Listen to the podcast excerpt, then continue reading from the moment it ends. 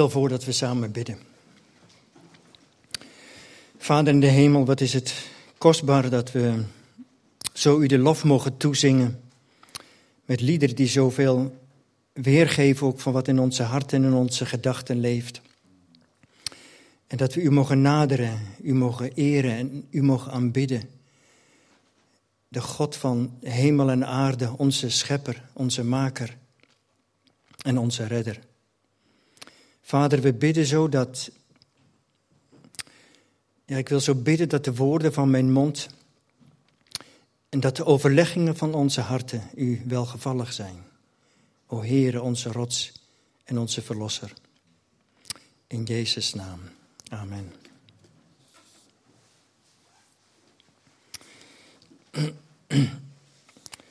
Ik wil vanmorgen met u lezen uit de eerste Petrusbrief. En we willen vanmorgen nadenken over hoop. Maar ik heb er iets aan toegevoegd in een wereld vol chaos, in een chaotische wereld. En waar anders zullen we onze hoop echt vinden en zoeken dan bij de Heere God en in zijn woord. En daarom willen we vanmorgen daar een gedeelte uit lezen.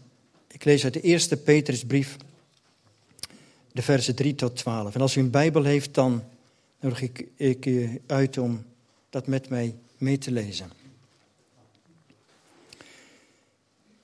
Geprezen zij de God en Vader van onze Heere Jezus Christus, die ons overeenkomstig zijn grote barmhartigheid opnieuw geboren deed worden tot een levende hoop. Door de opstanding van Jezus Christus uit de doden. Tot een onvergankelijke, onbevlekte en onverwelkbare erfenis, die in de hemelen bewaard wordt voor u u wordt immers door de kracht van God bewaakt door het geloof tot de zaligheid, die gereed ligt om geopenbaard te worden in de laatste tijd. Daarin verheugt u zich, ook al wordt u nu voor een korte tijd, als het nodig is, bedroefd door allerlei verzoekingen. Opdat de beproeving van uw geloof, die van groter waarde is dan die van goud, dat vergaat en door het vuur beproefd wordt, is dat uw geloof mag blijken te zijn tot lof en eer en heerlijkheid bij de openbaring van Jezus Christus. Hoewel u hem niet gezien hebt, hebt u hem toch lief. Hoewel u hem nu niet ziet, maar gelooft, verhoogt, verheugt u zich met een onuitsprekelijke en heerlijke vreugde. En verkrijgt u het einddeel, einddoel van uw geloof, namelijk de zaligheid van uw zielen. Zij onderzochten op welke en wat voor tijd de geest van daar is een vers weggevallen. Vers 10. Kan iemand het lezen, want ik heb die hier niet. Naar deze zaligheid hebben de profeten die geprofeteerd hebben over de genade die aan u bewezen is, gezocht en gespeurd. Ja, dat is het. Dankjewel, Jeroen. Zij onderzochten op welke en wat voor tijd de geest van Christus die in hen was, doelde toen hij tevoren getuigde van het lijden dat op Christus komen zou en ook van de heerlijkheid daarna. Aan hen werd geopenbaard dat ze niet zichzelf, maar ons dienden in de dingen die u nu verkondigd zijn door hen die u het evangelie verkondigd hebben door de Heilige Geest, die vanuit de hemel gezonden is. Dingen waarin de engelen begeerig zijn zich te verdiepen.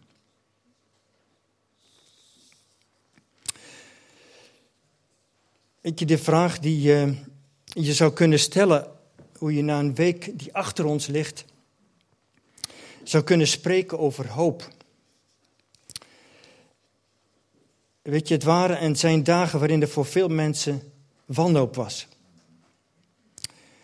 Wat we gehoord en gezien hebben, raakt mensen over de hele wereld. De hele wereld is met zijn ogen gericht geweest op het Midden-Oosten en dat met name op Israël. We zien een wereld waar op veel plaatsen chaos is. Of het nu politiek is, of militair, of op moreel en ethisch gebied. Eh, had, zag een pagina uit de krant. U ziet hem hier. En die geeft zo weer alle hoop verloren. Die geeft zo weer het gevoel van zoveel mensen in het Midden-Oosten, in Israël, in de andere gebieden van Israël en landen daaromheen, maar ook veel mensen door de hele wereld eigenlijk heen. Eigenlijk denk je van, is er nog hoop? Is er nog hoop te vinden in deze wereld als je dit ziet gebeuren? Hoe mensen met mensen omgaan, kunnen omgaan. Het is een schok die ons allemaal diep, diep geraakt heeft en die we nog bezig zijn te verwerken. Er is zoveel nood in de wereld, maar ook soms heel dichtbij. Soms in onze eigen omgeving, in onze eigen familie, in ons eigen gezin. Misschien in ons eigen huwelijk. Er is nood op zoveel geestelijke gebieden. En als dan zeg maar een titel is vanmorgen hoop in een wereld vol chaos, dan wil ik niet de nadruk leggen op die chaos vanmorgen, maar op de hoop. Want iedereen die het nieuws een beetje volgt, die weet en die ziet en die hoort wat voor een chaos het is in de wereld. Waar u ook kijkt, achter alle uiterlijke schijn is er zoveel wat niet naar Gods bedoelingen is en wat chaos is. Weet je, onze geestelijke toestand als we nog geen christen zijn en toen we nog geen christen waren, die wordt door de Bijbel kort en krachtig omschreven. In Efeziërs hoofdstuk 2. Dat is de volgende dia. Daar staat, u had geen hoop en was zonder God in deze wereld. Kernachtiger kun je het haast niet zeggen. Zonder God ben je zonder hoop in deze wereld. Weet je, een van de ergste wreedheden die mensen andere mensen kunnen opleggen, is de vernietiging van hoop. Ik heb bij een vorige keer dat ik uh, wat met u mocht delen vanaf deze plek iets verteld over een, um, een Joodse psychiater, Viktor Frankl. Um, hij uh, was een psychiater in Wenen, in Oostenrijk, na de Tweede Wereldoorlog.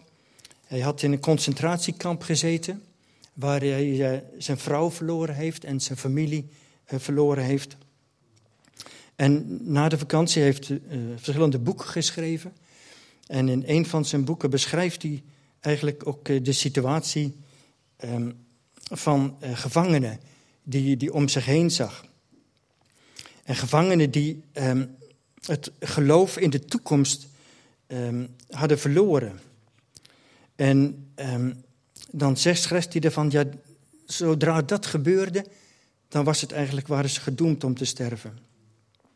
Met het verlies van zijn geloof, schrijft hij dan ergens, in de toekomst verloor hij ook zijn geestelijke gezondheid en zijn houvast. Hij liet zichzelf aftakelen en raakte onderhevig aan geestelijk en lichamelijk verval. Meestal gebeurde dit vrij plotseling in de vorm van een crisis waarvan de symptomen bekend waren bij de andere, bij de andere kampbewoners. Meestal begon het met een gevangene die op een ochtend weigerde zich aan te kleden en te wassen of de paradeplaats op te gaan. Geen smeekbeden, geen slagen, geen dreigementen hadden effect. Hij lag daar maar, nauwelijks bewegend. Als deze crisis veroorzaakt werd, schrijft hij dan, door een ziekte dan weigerde hij naar de ziekenboeg gebracht te worden of iets te doen om zichzelf te helpen. Hij gaf het gewoon op. Daar bleef hij liggend in zijn eigen uitwerpselen en niets deerde hem meer. De hoop, alle hoop kan uit de mens verdwijnen. En weet je, onze levens zijn gevuld met hoop. We zijn ons dat niet altijd zo bewust, maar toch draagt ieder van ons hoop in zich mee. De hoop van ouders bijvoorbeeld dat hun kinderen het goed gaan doen als ze opgroeien. Of de hoop dat je een partner gaat ontmoeten om je leven mee te delen. De hoop dat je huwelijk standhoudt. De hoop dat je die ene baan krijgt die je zo graag wilt hebben. De hoop dat je een huis vindt. Er is zoveel hoop in ons leven wat we vaak niet beseffen, waar we niet bij stilstaan. Maar in de Bijbel vinden we ook dingen waar we geen hoop op moeten vestigen. Ik wil daar kort iets van zeggen. In de Bijbel wordt gezegd waar we onze hoop niet op moeten vestigen. Want iedere hoop, zegt Gods woord ons, iedere hoop die geen hoop uiteindelijk op de Heere God is, is bedriegelijk en is ondeugdelijk. Dat wordt bijvoorbeeld, bijvoorbeeld gezegd van hoop en vertrouwen op rijkdom. Een grote verleiding voor ons mensen. En misschien zeg je vanmorgen dan, maar die kan ik wegstrepen. Dat geldt voor mij niet, want ik ben eigenlijk niet zo rijk. Maar we leven in een van de rijkste landen van de wereld. En als we beseffen zeg maar, hoe goed we het hebben, vergeleken met veel andere mensen hier op deze wereld, dan leven velen van ons echt in rijkdom. Dan zijn we heel erg rijk. Maar er wordt gezegd dat we ons vertrouwen, onze hoop niet vestigen op rijkdom. Paulus zegt dat ook in de brief aan Timotheus bijvoorbeeld. Ik geef daar een tekst bij, één of twee teksten, maar de teksten wil ik vanmorgen niet lezen met u, omdat zeg maar, dat uh, te lang zou worden. Maar een andere iets waar we onze hoop niet op moeten vestigen, is op onze eigen gerechtigheid, zegt de Bijbel. Ezekiel 13, 33, vers 13. dat we het zo verwachten, van dat we het zelf, dat we het zelf wel kunnen doen, dat we onszelf eigenlijk onze eigen maatstaf zijn. En zeggen wat goed en niet goed is. Dat we ons niet laten gezeggen door het woord van God, maar dat we zelf onze eigen gerechtigheid bepalen. De Bijbel zegt, daar moeten we onze hoop niet op vestigen. We moeten onze hoop ook niet vestigen op mensen. En we moeten onze hoop niet vestigen op de afgoden. Iets kan zo maar een afgod worden in het leven van een christen. Dingen die de plaats innemen, stap voor stap misschien, langzaam de, stap, de plaats innemen van de Heere God en van de Heere Jezus. We moeten onze hoop ook niet vestigen op politieke machten, zegt de Bijbel. En hoezeer gebeurt dat misschien ook op dit moment? Weet je, wat gebeurt er nu als er hoop, als de hoop sterft? Weet je, als er, de hoop, als er hoop er niet meer is, dan zeggen we soms zeg je van mensen, ze hebben de hoop opgegeven. Fysiek zouden mensen het misschien nog kunnen volhouden als ze in moeilijke omstandigheden zitten. Maar als ze de hoop hebben opgegeven, dan zie je dan gaat het achteruit. En dan sterven ze. En weet je, in onze tijd is er bijna geen geloof meer in een hiernamaals, om het zo maar eens te zeggen. Alle nadruk ligt bijna alleen maar op het hier numaals, op het hier en nu. We moeten uit het leven halen wat erin zit. Je moet een bucketlist afwerken, hoor ik dan, of lees ik dan. En de nadruk ligt op een goed leven, geld verdienen, seksualiteit, macht. Met een mooi woord noemen we dat ook wel hedonisme. Weet je, we proberen eigenlijk om te gaan met het gevoel, denk ik dan, uh, van, van nietigheid. De nietigheid in, in die kosmos waar we in leven, in het heelal. En, dat, en daar kunnen we dan geen plek aan geven. En dus zoeken we het maar hier, op de aarde, in de aardse dingen. Het is een verleiding voor ons allemaal. En toch tegelijkertijd zie ik ook bij mensen die niet gelovig zijn, dat, dat verlangen, dat verlangen naar dat er toch iets is. Pas geleden hadden we nog een afscheidsbijeenkomst uh, van iemand die was overleden, die we goed kenden, gekend hebben. En, en, en de man was niet gelovig. En dan zie je in zo'n bijeenkomst, en dat valt me dan vaker op, dat mensen toch spreken over de overledene in termen van dat hij of zij er nog is en dat hij luistert. Want het is dan toch een diepe wens, een diep verlangen, dat we zeggen van ja, die persoon moet toch ergens zijn. Die kan toch niet zomaar helemaal weg zijn.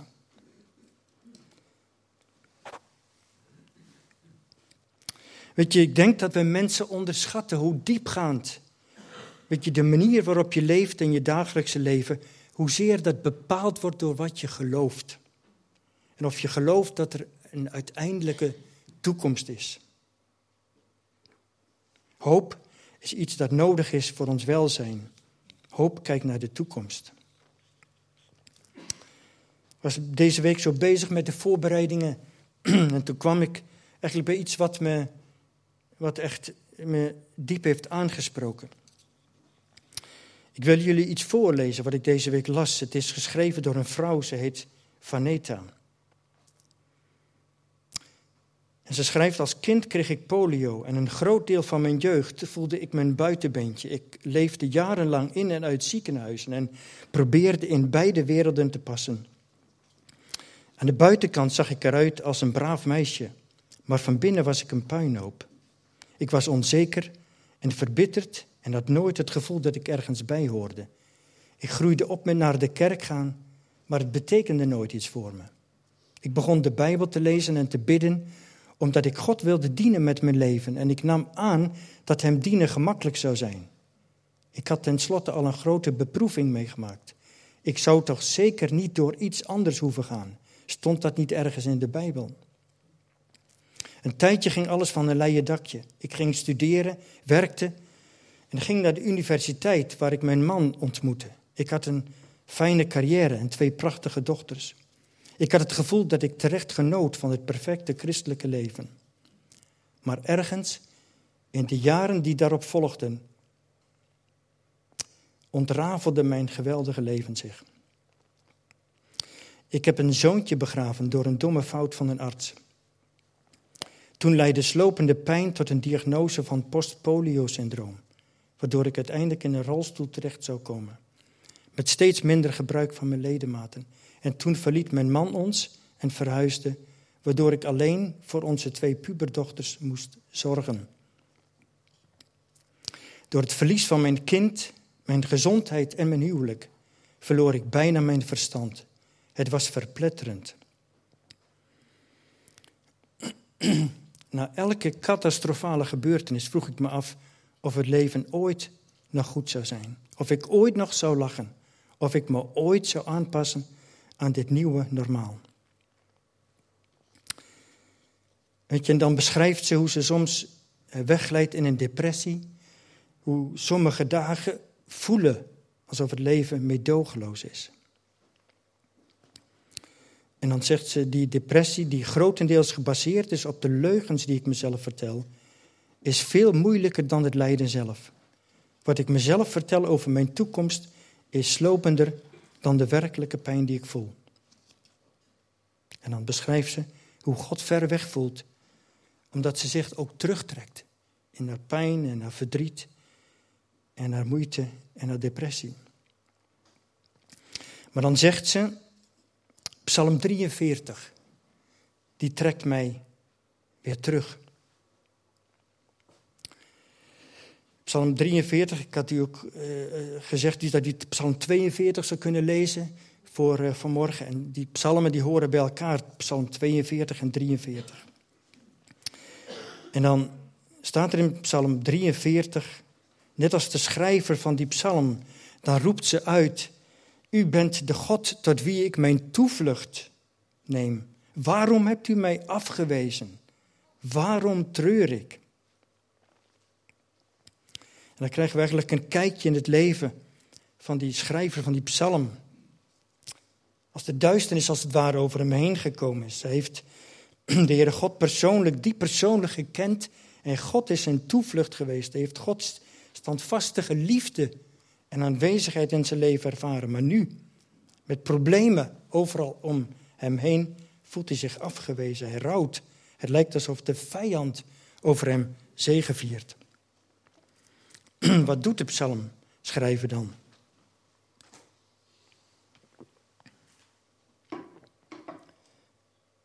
Dan, in plaats van naar zichzelf te blijven luisteren en in een neerwaartse spiraal terecht te komen, begint hij met God te praten. Hij zegt tegen de Heere God: Zend uw licht en uw waarheid. In die volgende dia staat die tekst: Zend uw licht en uw waarheid.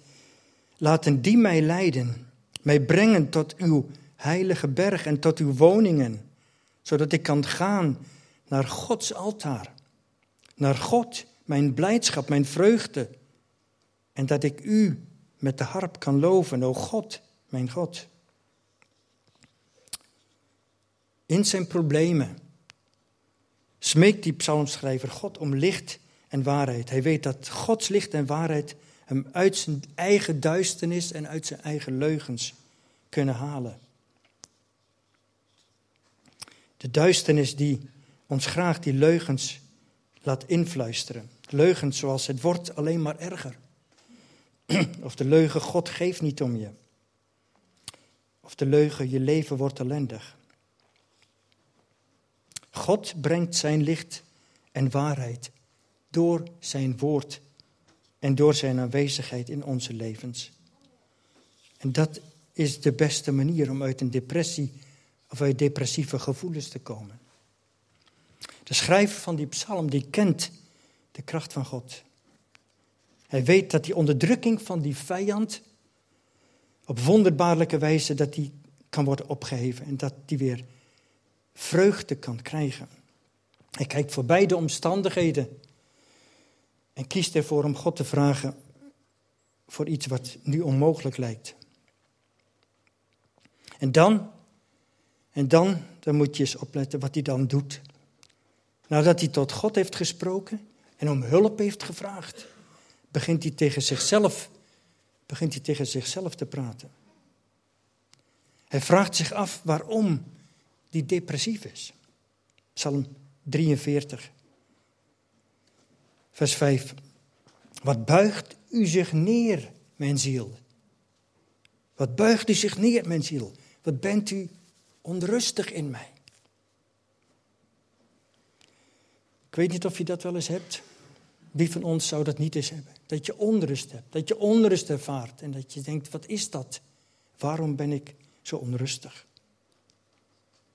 Weet je, als ik nog even wat woorden naar die vrouw luister en weet je, soms heb ik, of soms, ik denk dat vrouwen vaak veel beter hun gevoelens kunnen omschrijven dan wij mannen. Ik generaliseer, dat weet ik wel. Maar toch geloof ik dat het echt wel zo is. En deze vrouw, ze schrijft dan, dit zijn belangrijke en onthullende vragen. Ik voel me soms vaag depressief, niet in staat om de kern van mijn angsten onder woorden te brengen. Maar als ik doelbewust alles opschrijf wat me dwars zit, kan ik mijn situatie bijbels bekijken. Als ik in staat ben om mijn angsten tot de slechtst mogelijke conclusie te volgen, kan ik ze onder ogen zien. Ten slotte, wat doet die schrijver van de psalm? Hij spoort zichzelf aan om op God te hopen. Op God te hopen. Vers, vers 5b vervolgt die hoop op God. Hoop op God, want ik zal hem weer loven, mijn heil en mijn God. De situatie is nog niet veranderd. Als dat wel zo was, dan zou hij geen hoop nodig hebben. Hij is de volkomen verlossing van mijn aangezicht en mijn God.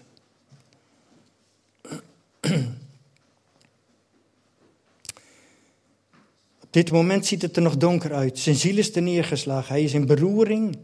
Hij voelt zich door God afgewezen en rouwt om wat vroeger was. En toch kiest hij ervoor om zichzelf de waarheid te vertellen, gebaseerd op wie God is, in plaats van naar zichzelf te luisteren, gebaseerd op zijn eigen angsten. Hij laat zijn eigen inschatting van de omstandigheden niet het laatste woord hebben. Die laat hij aan Gods woord over. Weet je, over deze vrouw.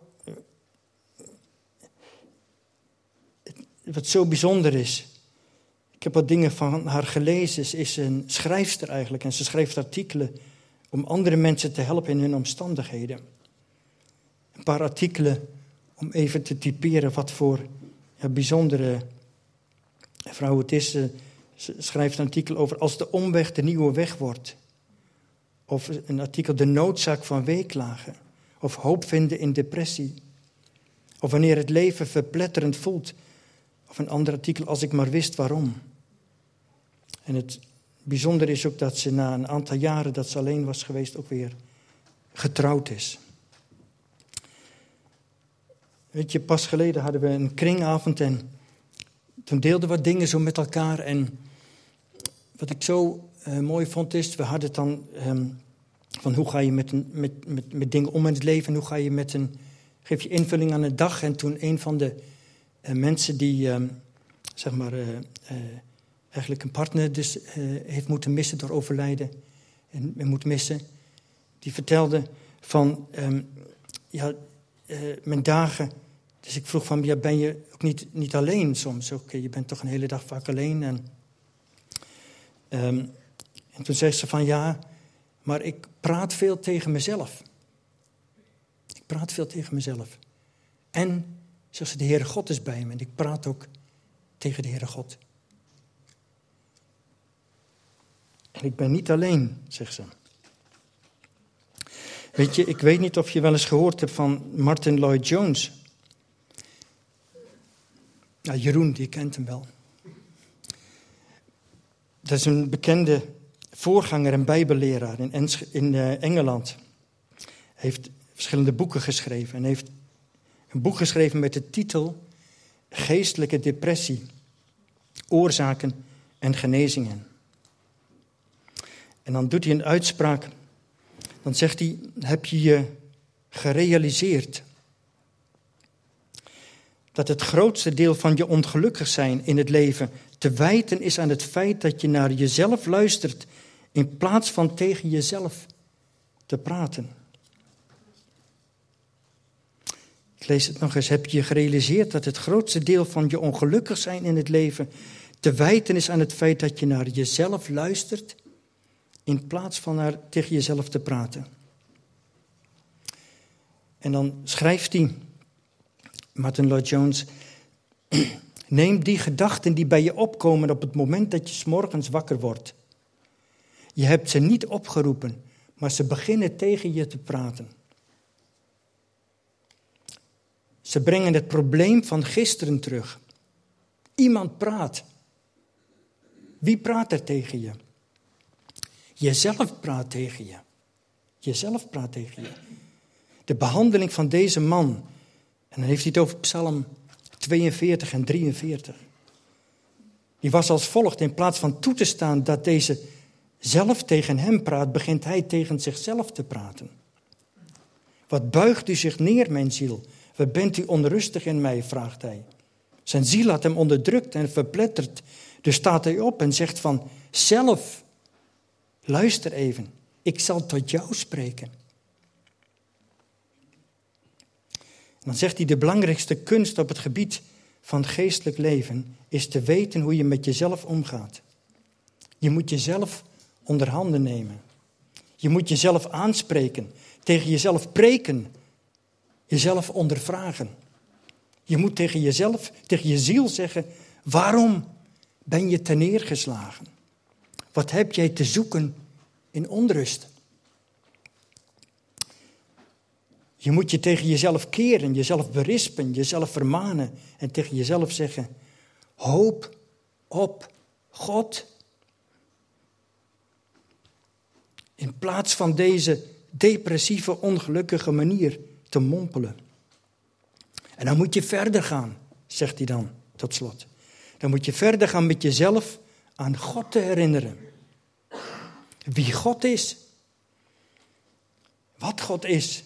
En wat God gedaan heeft. En wat God zichzelf beloofd heeft te doen.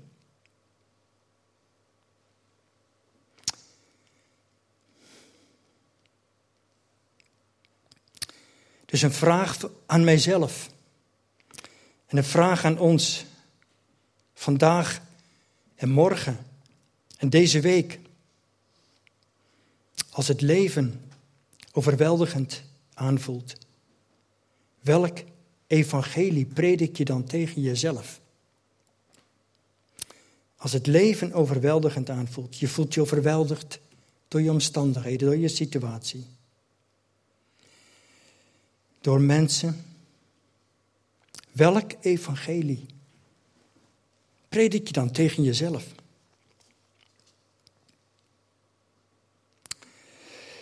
Hoop lezen we vanmorgen over vanuit de Bijbel, vanuit Petrus. In het Nederlands je, kan hoop het tegenovergestelde betekenen van de Bijbelse betekenis van hoop.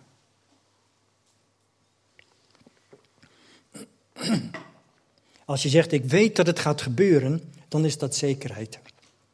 Als je zegt, ik hoop dat het gaat gebeuren, dan is dat onzekerheid.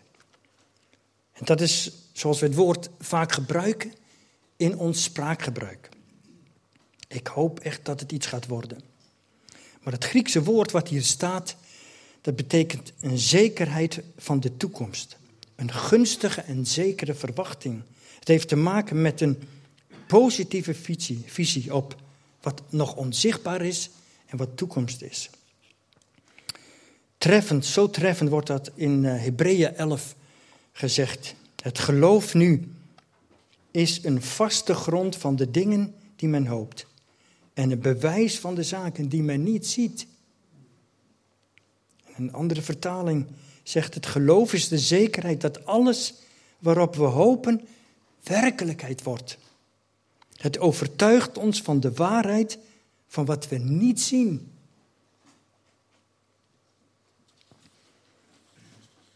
Zo prachtig wat er stond in de eerste, in die vers uit Petrus. Vers 8. Hoewel u hem niet gezien hebt, hebt u hem toch lief.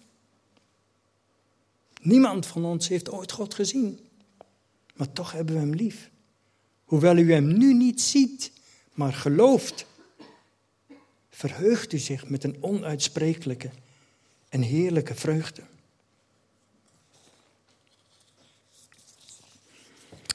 Wat bedoelt Peters met hoop? Het gaat over die blijde, zekere verwachting van het goede. Hoop is niet een wensdenken of een vaag streven. Het is niet willen dat dingen goed aflopen terwijl je onzeker blijft of dat ook echt zo zal zijn. Hoop is de absolute zekerheid die we hebben dat God goed is, dat zijn beloften waar zijn. Ik lees nog eens die tekst uit 1 Petrus 1, vers 3. Geprezen zij de God en Vader van onze Heer Jezus Christus,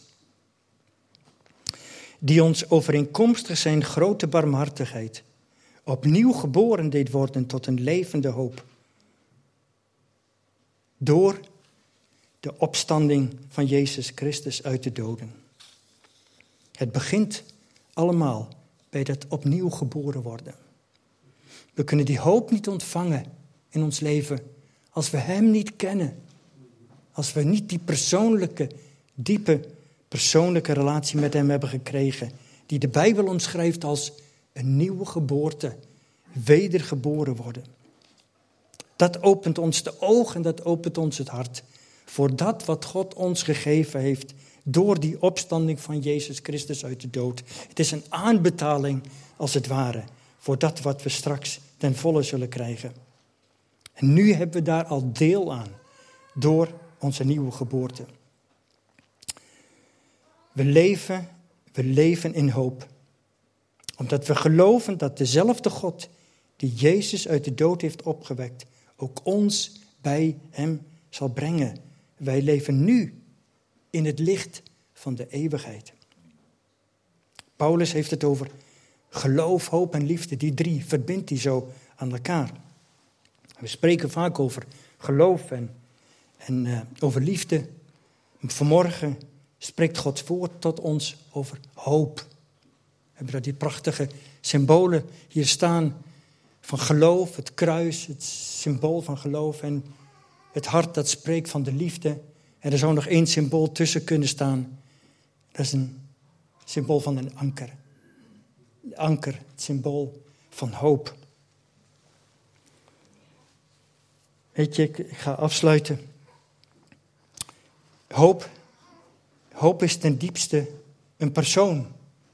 Hoop is ten diepste een persoon. En Die persoon, dat is de Heer Jezus Christus zelf. Hij is onze hoop. Daar begonnen we mee te lezen. We hebben een levende hoop, omdat we een levend woord hebben. Het levende woord van God. En we hebben een levende hoop, omdat we een levende Heer hebben. Die voor ons de dood heeft overwonnen en uit de dood is opgestaan. Hebreeën zegt, 6 zegt, zo zijn er twee dingen.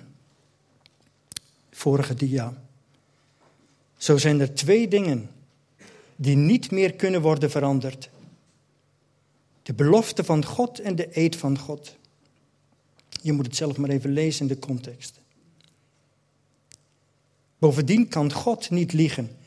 Dus als we naar Hem toevluchten om gered te worden, weten we zeker dat we op Hem kunnen vertrouwen. De zekerheid dat Hij ons zal redden is als een anker voor onze ziel. Daarmee zijn we verbonden met God zelf, achter het gordijn in de hemelse tempel. Want Jezus is daar als eerste voor ons naar binnen gegaan.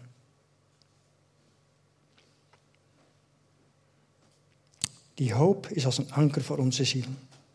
Deze hoop hebben wij als een anker voor de ziel. Die volgende dia zegt dat. En het symboliseert het. Als een anker uitgegooid wordt, dan graaft het zich in de bodem. In de bodem van de zee of van een meer. Of een rivier of waar het schip ook is. En dat voorkomt, dat anker, dat het schip kan wegdrijven. En zo is die hoop die we hebben in de Heer Jezus Christus als een anker voor onze ziel. Het voorkomt dat we kunnen afdrijven, wegdrijven van Hem. Ik wil eindigen met die tekst die het zo prachtig zegt wie onze hoop is.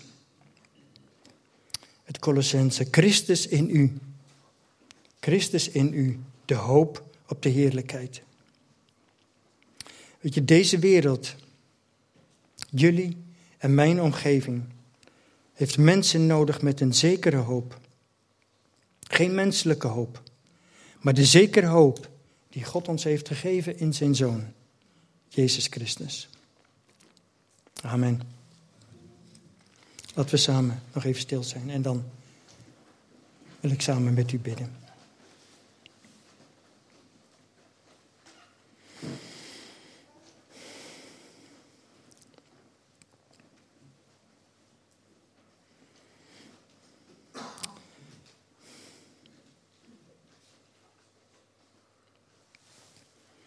Vader in de hemel, we willen u zo danken dat we ons mogen richten op u en op uw woord. Het levende woord. Wat uw woord is, wat u ons gegeven hebt met de letters op papier. Maar ook het levende woord wat u ons gegeven hebt in uw Zoon, de Heer Jezus Christus. Daardoor mogen we een levende hoop hebben voor dit leven en voor de eeuwigheid. We danken u dat u ons hebt opgezocht, Heer, in onze verlorenheid. We danken u dat we een hoge priester hebben, die kan meevoelen met onze zwakheden. Heer, u weet, u kent ons, u ziet ons, u kent de omstandigheden waarin we leven, waar we doorheen gaan kent de gebrokenheid, Vader, in de schepping, in de wereld. U heeft daar zelf een oplossing voor bedacht. Maar u ziet ook, Vader, onze omstandigheden. Ik wil u zo danken dat u ons daarin tegemoet komt. Dat u ons ook aan elkaar geeft, Vader, om tot zegen te zijn. En in en met elkaar zo in dit alles u te eren en te danken en te aanbidden. Vader, zo prijzen we en dank u voor deze dag en deze dienst en dit samen zijn. In Jezus' naam. Amen.